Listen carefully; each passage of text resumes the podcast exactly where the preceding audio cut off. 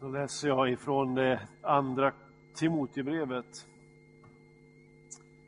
Från det fjärde kapitlet där och några versar från vers 6 och framåt. Mitt eget liv utgjuts redan som ett offer och tiden är inne då jag måste bryta upp.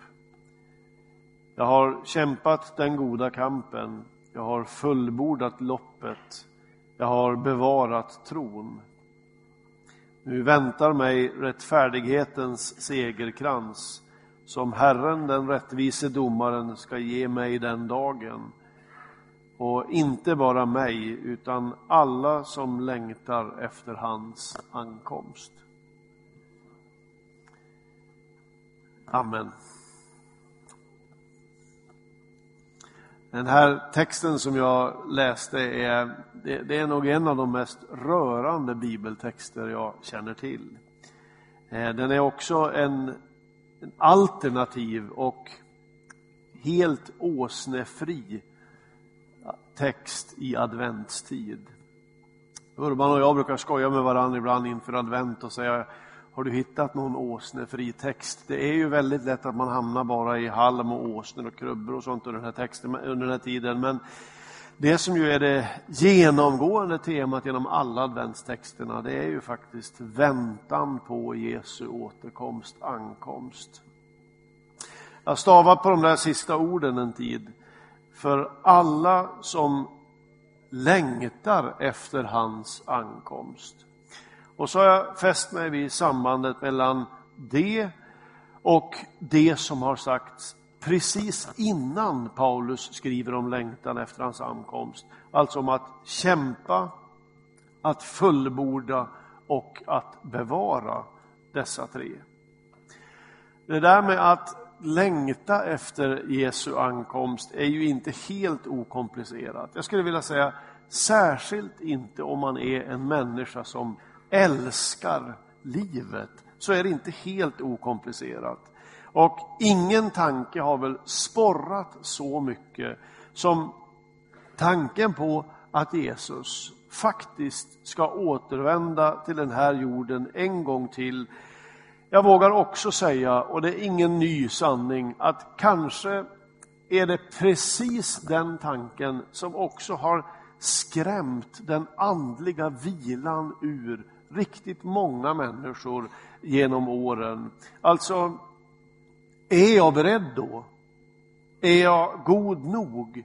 Och inte sällan så har det varit just kärleken till, till detta liv, kärleken till det jordiska som har skapat oro inför tanken på att Jesus, som det står, den rättvise domaren ska återvända. Paulus, som ju skrivit detta, vilket ni vet, eh, återkommer ofta till den här slitningen i sina brev. Kanske det mest klassiska exemplet är, det är ju Paulus gladbrev eller glädjebrev, Filippibrevet, där han rör vid detta. Där står frågan mellan två saker. Å ena sidan bryta upp och vara hos Herren. Å andra sidan stanna kvar och fullgöra det uppdrag som han känner är hans. Och jag läser ur Filipperbrevet 1. Jag slits åt båda hållen. Jag längtar efter att få bryta upp och vara hos Kristus. Det vore ju det allra bästa. Men för er skull är det viktigare att jag lever kvar här. Det är jag övertygad om. Och jag vet att jag kommer att bli kvar och stanna hos er alla för att hjälpa er till framsteg och glädje i tron. Filipperbrevet 1 och 23-25. Jag slits åt båda hållen. Och märk då att han inte står med det lyckade livet som fond när han säger det. När han skriver att det drar åt båda hållen så är det en fängslad man som skriver i båda dessa brev som jag nu har citerat faktiskt. Så från ett liv precis på gränsen till martyriet skriver Paulus, jag vet inte riktigt vilket som är bäst och inte orden, nu ska det bli skönt att bryta upp. Det här är spännande. Han talar med samma längtan om det närvarande livet som han talar om det tillkommande. Och i Filipperbrevet som jag nu citerade så finns det ju en genomgående ton av glädje. Han tänker med glädje på sin omgivning. Han ger handfasta råd om mänsklig samvaro, om berikade mänskliga relationer, om att ta det liv man fick på blodigt allvar och trots det trängda läget, att han sitter fängslad för denna sin tro, så skriver han ett OD, en hyllningsdikt till glädjen som ju få har liksom kommit i närheten av. Jag läste Filipperbrevet igen och så kände jag hur det finns någonting nästan dansant över den här texten. Han skriver, pennan liksom dansar fram över pergamentet och han skriver gläder i Herren och när han har sagt det så säger han än en gång vill jag säga gläder och det är som han virvlar i den här livsdansen. Det är ingen livsled människa som, som nu skriver. Har man ett sådant förhållande till livet, till hela livet, så är det ju inte konstigt att man ändå skriver som han gör. För då vet jag inte vilket jag ska välja. Jag längtar efter att bryta upp och vara hos Kristus, det vore det allra bästa. Men för er skull, vilken mening? För att våra liv sitter ihop, för att vi inte lever för oss själva, för att detta liv också räknas, så är det bättre att jag blir kvar. Och så undrar man, kan det finnas någonting som är bättre eller viktigare än himlen? Enligt Paulus i den här texten så är svaret på den frågan ja, det gör det. Nämligen att leva det liv man fick som om man hedrar himlen bäst genom att ta livet på stort allvar. Inte genom att sluta jobba och parkera sig på Oljeberget i Israel för att vara på plats när det möjligen händer, som jag läste i tidningen att några gör. Jag försökte förstå, men jag förstår det inte. Utan genom att engagera sig i det som Jesus skulle ha engagerat sig. Och det var någonstans här jag landade i andra Timotebrevet och tänkte så här. Kan man läsa den här texten som en beskrivning av hur man lever medan man väntar på Jesu återkomst. Hur man lever så att längtan efter Jesu återkomst kan tillta, inte skrämma. Eh, det här brevet, det andra Timotebrevet, är på ett sätt eh, en ganska trött text. Jag vet inte om ni har tänkt det någon gång. Om Filipperbrevet virvlar som en dans så känns det i andra Timotebrevet som om dansen i någon mån har avstannat och det är en ganska trött historia. Paulus räknar inte segrar där han sitter, han räknar tårar. Jag minns dina tårar, skriver han till Timoteus. Samtidigt så är det här en innerlig, personlig och väldigt ömsint text. Han skriver på ett sätt som man ytterst sällan finner hos Paulus. Det är som om han, där han sitter nu, är alldeles, alldeles genomskinlig. Han vet att det går mot slutet och nu blickar han tillbaka på sitt liv. Han utvärderar, han väger vad som höll och vad som inte höll ur det levda perspektivet. Och så läser jag här tre råd i, i väntan på Jesu återkomst. Råd som både är utmanande och samtidigt väldigt lugnande, som gör någonting för väntetiden. För det första, fritt översatt, se till att du lägger din kraft på den goda kampen. För det andra, det räcker att du fullbordar ditt lopp. Du behöver inte vinna hela tävlingen. Det räcker att du fullbordar ditt lopp. Och för det tredje, det räcker uppenbarligen att du bevarar din tro. Du behöver inte bli världsmästare i tro. Det räcker att du bevarar din tro. Jag har kämpat den goda kampen. Det här är det sista brevet, sa jag, som Paulus skriver. Och han ställer det till sin unge medarbetare Timoteus. Och man kan säga att detta är ett slags andligt testamente. Paulus är coachen som tar sin unge medarbetare på så mycket allvar att han inte nöjer sig med att förse honom med stora visioner utan han förser honom också med ett stycke verklighet. Och brevet innehåller ett av de mest svårsmälta råd man kan ge till en brinnande missionärsaspirant som dessutom är väldigt, väldigt ung. Och det är orden Lid för evangeliet du också. Lid för evangeliet du också.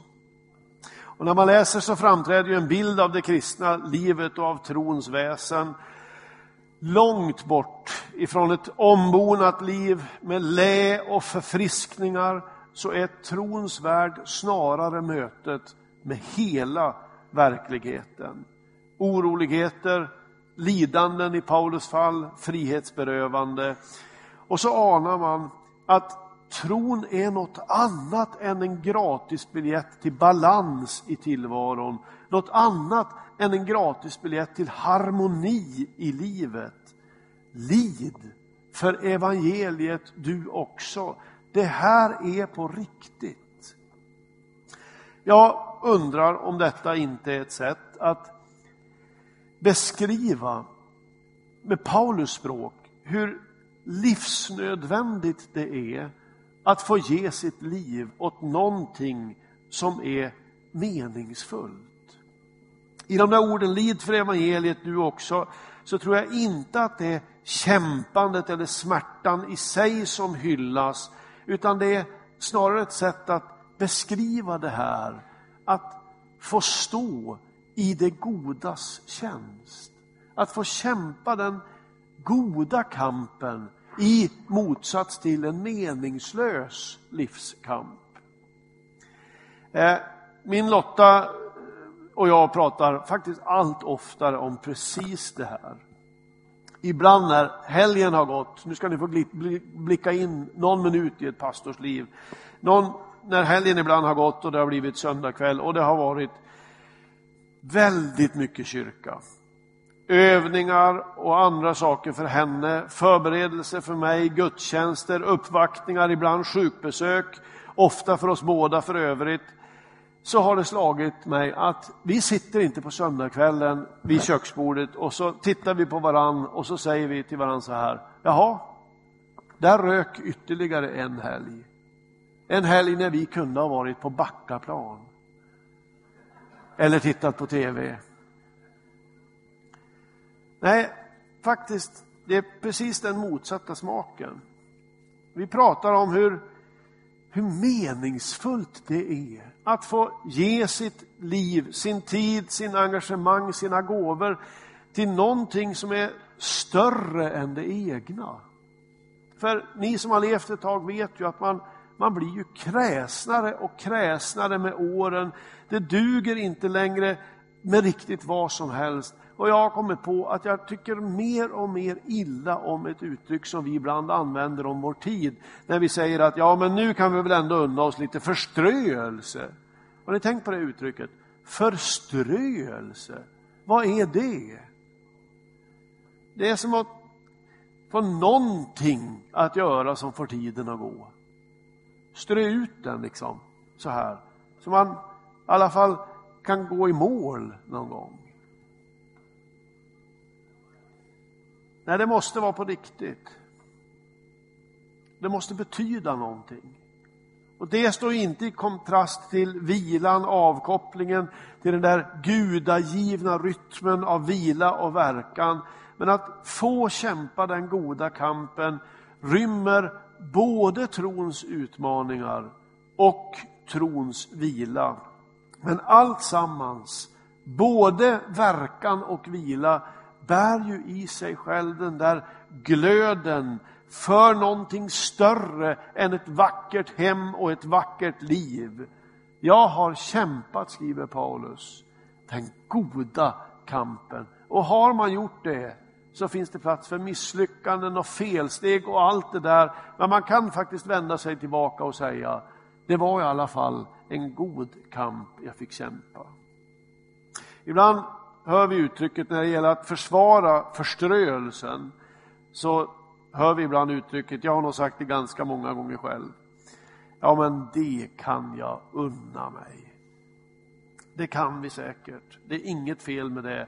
Men om livet allt för mycket börjar fokuseras på det man unnar sig så tror jag att man ganska snart är andligen pank. Och livsledan slår in i en. En viktigare mening kanske än att säga det kan jag unna mig. Kan vara att säga det kan jag engagera mig i. Jag har kämpat den goda kampen. Det är så vackert. Och så det andra. Jag har fullbordat loppet. Fritt översatt. Du behöver inte fullborda någon annans lopp än ditt. Ingen annans. Det andliga livet är ingen tävling, tack och lov. Och nu måste jag justera den lite präktiga bilden av mig själv och min hustru när vi sitter och pratar djupsinnigt vid köksbordet. Med att säga att jag var ensam hemma här om kvällen och jag borde skriva en grej som jag var sen med. Men jag orkade inte och därför slog jag på tvn för att få lite förströelse. Eh, och eh, jag råkade nog, tror jag, slå på tvn fel kväll. Eh, därför att jag tror faktiskt i alla kanaler som jag kom till så var det tävlingar. Alltså vad är detta? Det är något otroligt vad vi tävlar. Alla tävlar mot alla. Kockar, kändisar, bönder tävlar till och med. Och eh, det kusliga är ju att ingen av dem tycks vinna. Det är märkligt. Därför att djupast sett så är inte den här sorten som vi är vi är inte skapade för att tävla mot varann, utan vi är skapade för att finnas till för varann, att stötta varann. Jag måste berätta att för några år sedan, ett par år sedan kanske, så gästades vi en sån här kafékväll här ute på kyrktorget av eh, föreläsaren Egon Rommedal som för övrigt är en av, de, en av mina absolut favoritföreläsare. Han, han läser, föreläser jättemycket in mot sjukvård, omsorg och handledning och så. En fantastisk kille som bor i Kode. Eh, han talade om någonting som jag nu inte minns, men jag minns en sak och det var att han mitt i det här talet så berättade han om en en olympiad som hade hållits i en skola som han var bekant med. Jag tror han jobbade med handledning för personalen där. Och i den här olympiaden så var det bland annat en löp, löpartävling och i den var, deltog en kille som var utvecklingsstörd. Jag tror att han hade down syndrom och någon form av utvecklingsstörning, men jag är inte riktigt säker. Den här unge killen var i alla fall grymt taggad för sitt lopp. Han var så laddad, han skulle vinna detta. Men så hände det att precis när han stod i startblocket så kom han att tänka på någonting annat. Och så försjönk han i sina egna tankar och han missade helt att starten gick. Och någon av de pedagoger som stod i närheten ropade till honom med hans namn och så sa han, du, sa, du måste springa, loppet har börjat nu. Och då vaknade han liksom till och kom på att han måste kuta. Och det gör han. Han springer eh, och han kommer naturligtvis ohjälpligt sist. När han kommer i mål, så berättar Egon, då, då sträckte han sina armar mot himlen så här. Och så jublade han igen och igen samma sak. Han skrek, jag vann, jag vann. Och så tog han ett varv framför läktaren där lärare och elever satt och så sa han, jag vann, jag vann. Och då var det en nitisk pedagog som måste gå fram till honom och rita rätta honom och säga, Ja, men nu är det väl inte riktigt så det var. du sprang ju väldigt, väldigt bra. Men man kan inte säga att du vann, sa hon. Och då tittade han förvånat på henne och så sa han, jo, på bana fem vann jag, sa han. Alltså hans egen bana. Åh, vad jag gillar den berättelsen. Jag höll på att säga knappt Paulus uttrycker det bättre. Jag har fullbordat loppet. En av de stora befrielserna med kristen tro, det är att det inte är ytterligare en tävling du ska vinna i ditt liv. Tro handlar inte om att komma först. Tro handlar om att komma fram. Tro handlar inte om att komma längst. Tro handlar om att komma i rätt riktning i sitt liv. Och det räcker min vän.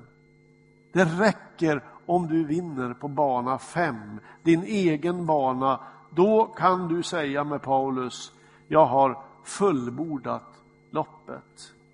Vi tävlar inte mot varann, vi behöver varann. Och därför, med risken att det här blir väldigt individualistiskt, därför är det ju spännande att i det här brevet, det andra Timotebrevet, så nämner Paulus fler namn på människor än han nämner i något av sina tidigare brev. Så när krafterna börjar avta så ser han tydligen vad som blir kvar och vad som blir mindre viktigt. Och då flyter ju inte främst missionsprojekten upp eller allt det han har fått gjort, utan det som tydligen flyter upp då, det är människorna som har funnits runt omkring honom. Han sörjer, står det, över dem som svek. Och han gläder sig över de som är kvar, som om han upptäcker hemligheten. Att han hade inte kunnat fullborda sitt lopp om han inte hade haft de andra. Det är ett individuellt lopp på ett sätt. Men å andra sidan så är det ingenting vi gör själva. Vi sitter ihop, vi är varandras tro. Och därför visar sig nog andlig mognad i att man blir mer och mer beroende av Gud. Men också att man blir mer och mer beroende av de andra. Direkt efter de här starka uppmaningarna om att fullfölja sitt lopp kämpa den goda kampen, bevara tron. Direkt efter det, när det fjärde kapitlet i vår bibel går över till det femte, så kommer följande ord till Timoteus. Paulus skriver, försök komma hit snart. Skriver. Större än så är han inte. Och större än så behöver han faktiskt inte vara. Vi fullbordar vårt lopp, men vi gör det tillsammans. Och så det tredje. Jag har bevarat tron. Eh, de två veckor som ligger bakom har för min del och i viss mån också några av mina kollegor, förutom det löpande arbetet i församlingen, så har det präglats av en sak och det är julblommor, noga räknat amaryllis. Eh, vi har ett 90-tal äldre medlemmar nu eh, som är de flesta är medlemmar, några är närstående till församlingen som inte av olika skäl orkar gå på de äldres julfest men som ska ha en amaryllis. Eh, och det här är en fantastisk syssla att få gå hem till en människa med en kruka med den här löken i och sitta där en liten stund. Eh, vi som går möter gamla kämpar. De flesta av dem är bundna till sängen eh, och man sitter där en liten stund och så inser man att det finns inte så hemskt mycket kvar av det triumfatoriska i deras liv, om det har funnits. Det är avskalat, det är uppriktigt. Man sitter en stund vid deras säng, pratar, frågar, läser en bibeltext som Karin Pettersson och Gunnel Gustafsson har valt ur Ordspråksboken, försöker lyssna till vad de har att berätta och så har jag tänkt så här, vad är det de, vad är det de säger? Och eh, mycket handlar naturligtvis om det som gör ont. Det, allt annat vore konstigt. Verk, ensamhet med mera. Men väldigt, väldigt ofta så säger de också någonting annat. Eh, ungefär. Nu, nu längtar jag hem. Eller Herren kan få ta hem mig nu. Jag är färdig. Och så skulle man kunna tänka, ligger de där med, med revade segel som människor? Liksom över nu. Okej, okay, nu kan Herren ta hem mig. Nej, det är inte riktigt den andan, det är inte den hållningen. Vi möter slående mycket tacksamhet. Slående mycket glädje över tron och så inser man mycket annat har blåst bort. Krafterna har blåst bort. Drivet att kanske få någonting gjort, det är över. Men kvar finns den tro som har burit dem genom hela livet och det är som om de ligger där, även om de inte använder just det språket. Det är som om de ligger där och med hela sitt liv säger, jag har bevarat tron. Det är ju som om ett helt liv ryms där. Så mycket kamp, så mycket uthållighet, men så mycket försoning med det liv som blev. Och faktiskt så mycket livsmening. Jag har bevarat tron.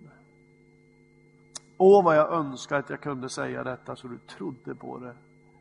Särskilt du som har vuxit upp i en miljö där det har varit väldigt fokus på den egna liksom, ansträngningen, den egna växten, din egen insats för din tro. Din tro behöver inte bli bättre, större och starkare. Det behövs faktiskt inte. Det räcker att du bevarar tron. Att du blir kvar med Jesu ord.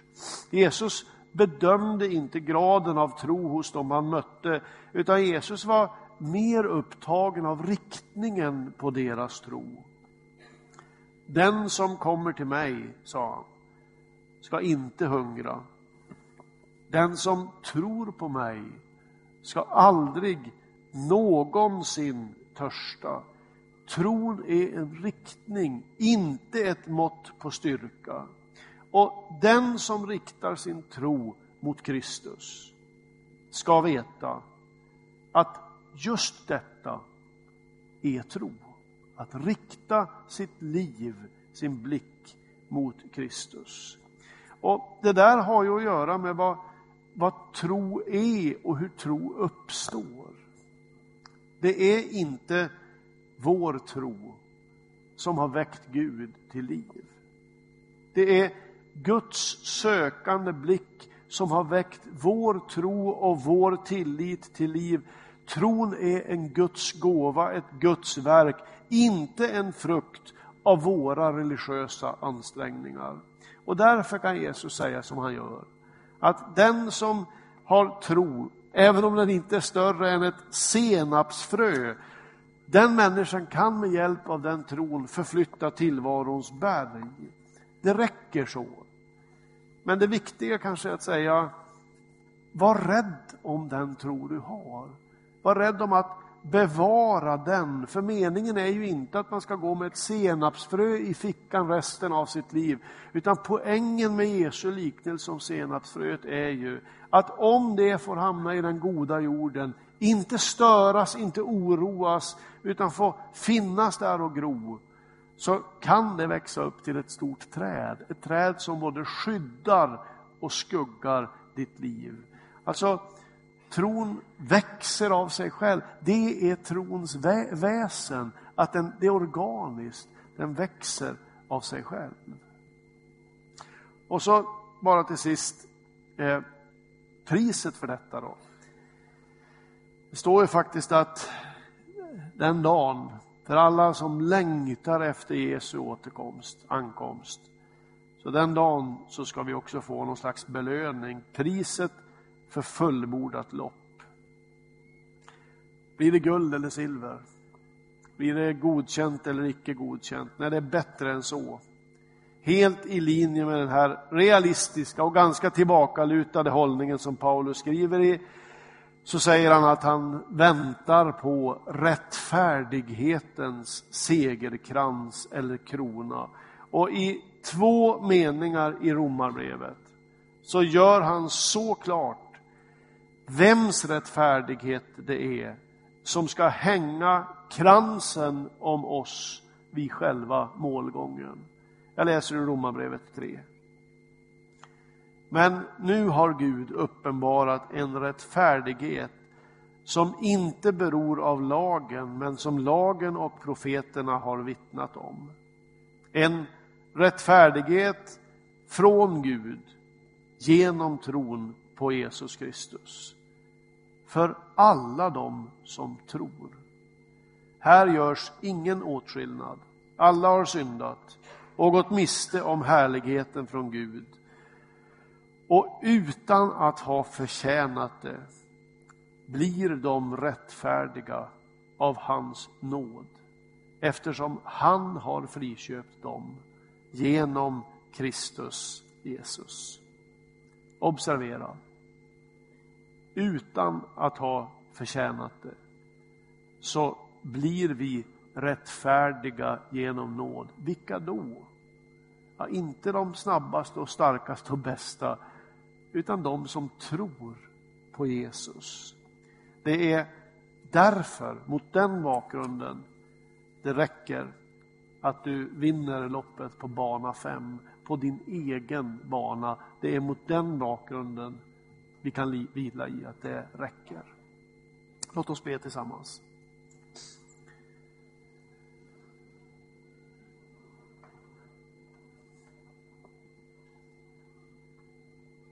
Ja, Herre, tack för att vi fick mötas idag. Att vi får mötas igen och igen runt ditt eget ord, Herre. Det där ordet som igen och igen överraskar oss, skakar om oss, gör någonting med oss och faktiskt befriar oss till att leva på riktigt. Herre, ber jag om att det här vittnesbördet ifrån en kämpande apostel mot slutet av sitt liv skulle få bli någonting som rör vid oss idag, Herre. Låt det få sjunka in i oss. Både som en utmaning och som ett stort lugn. I Jesu namn. Amen.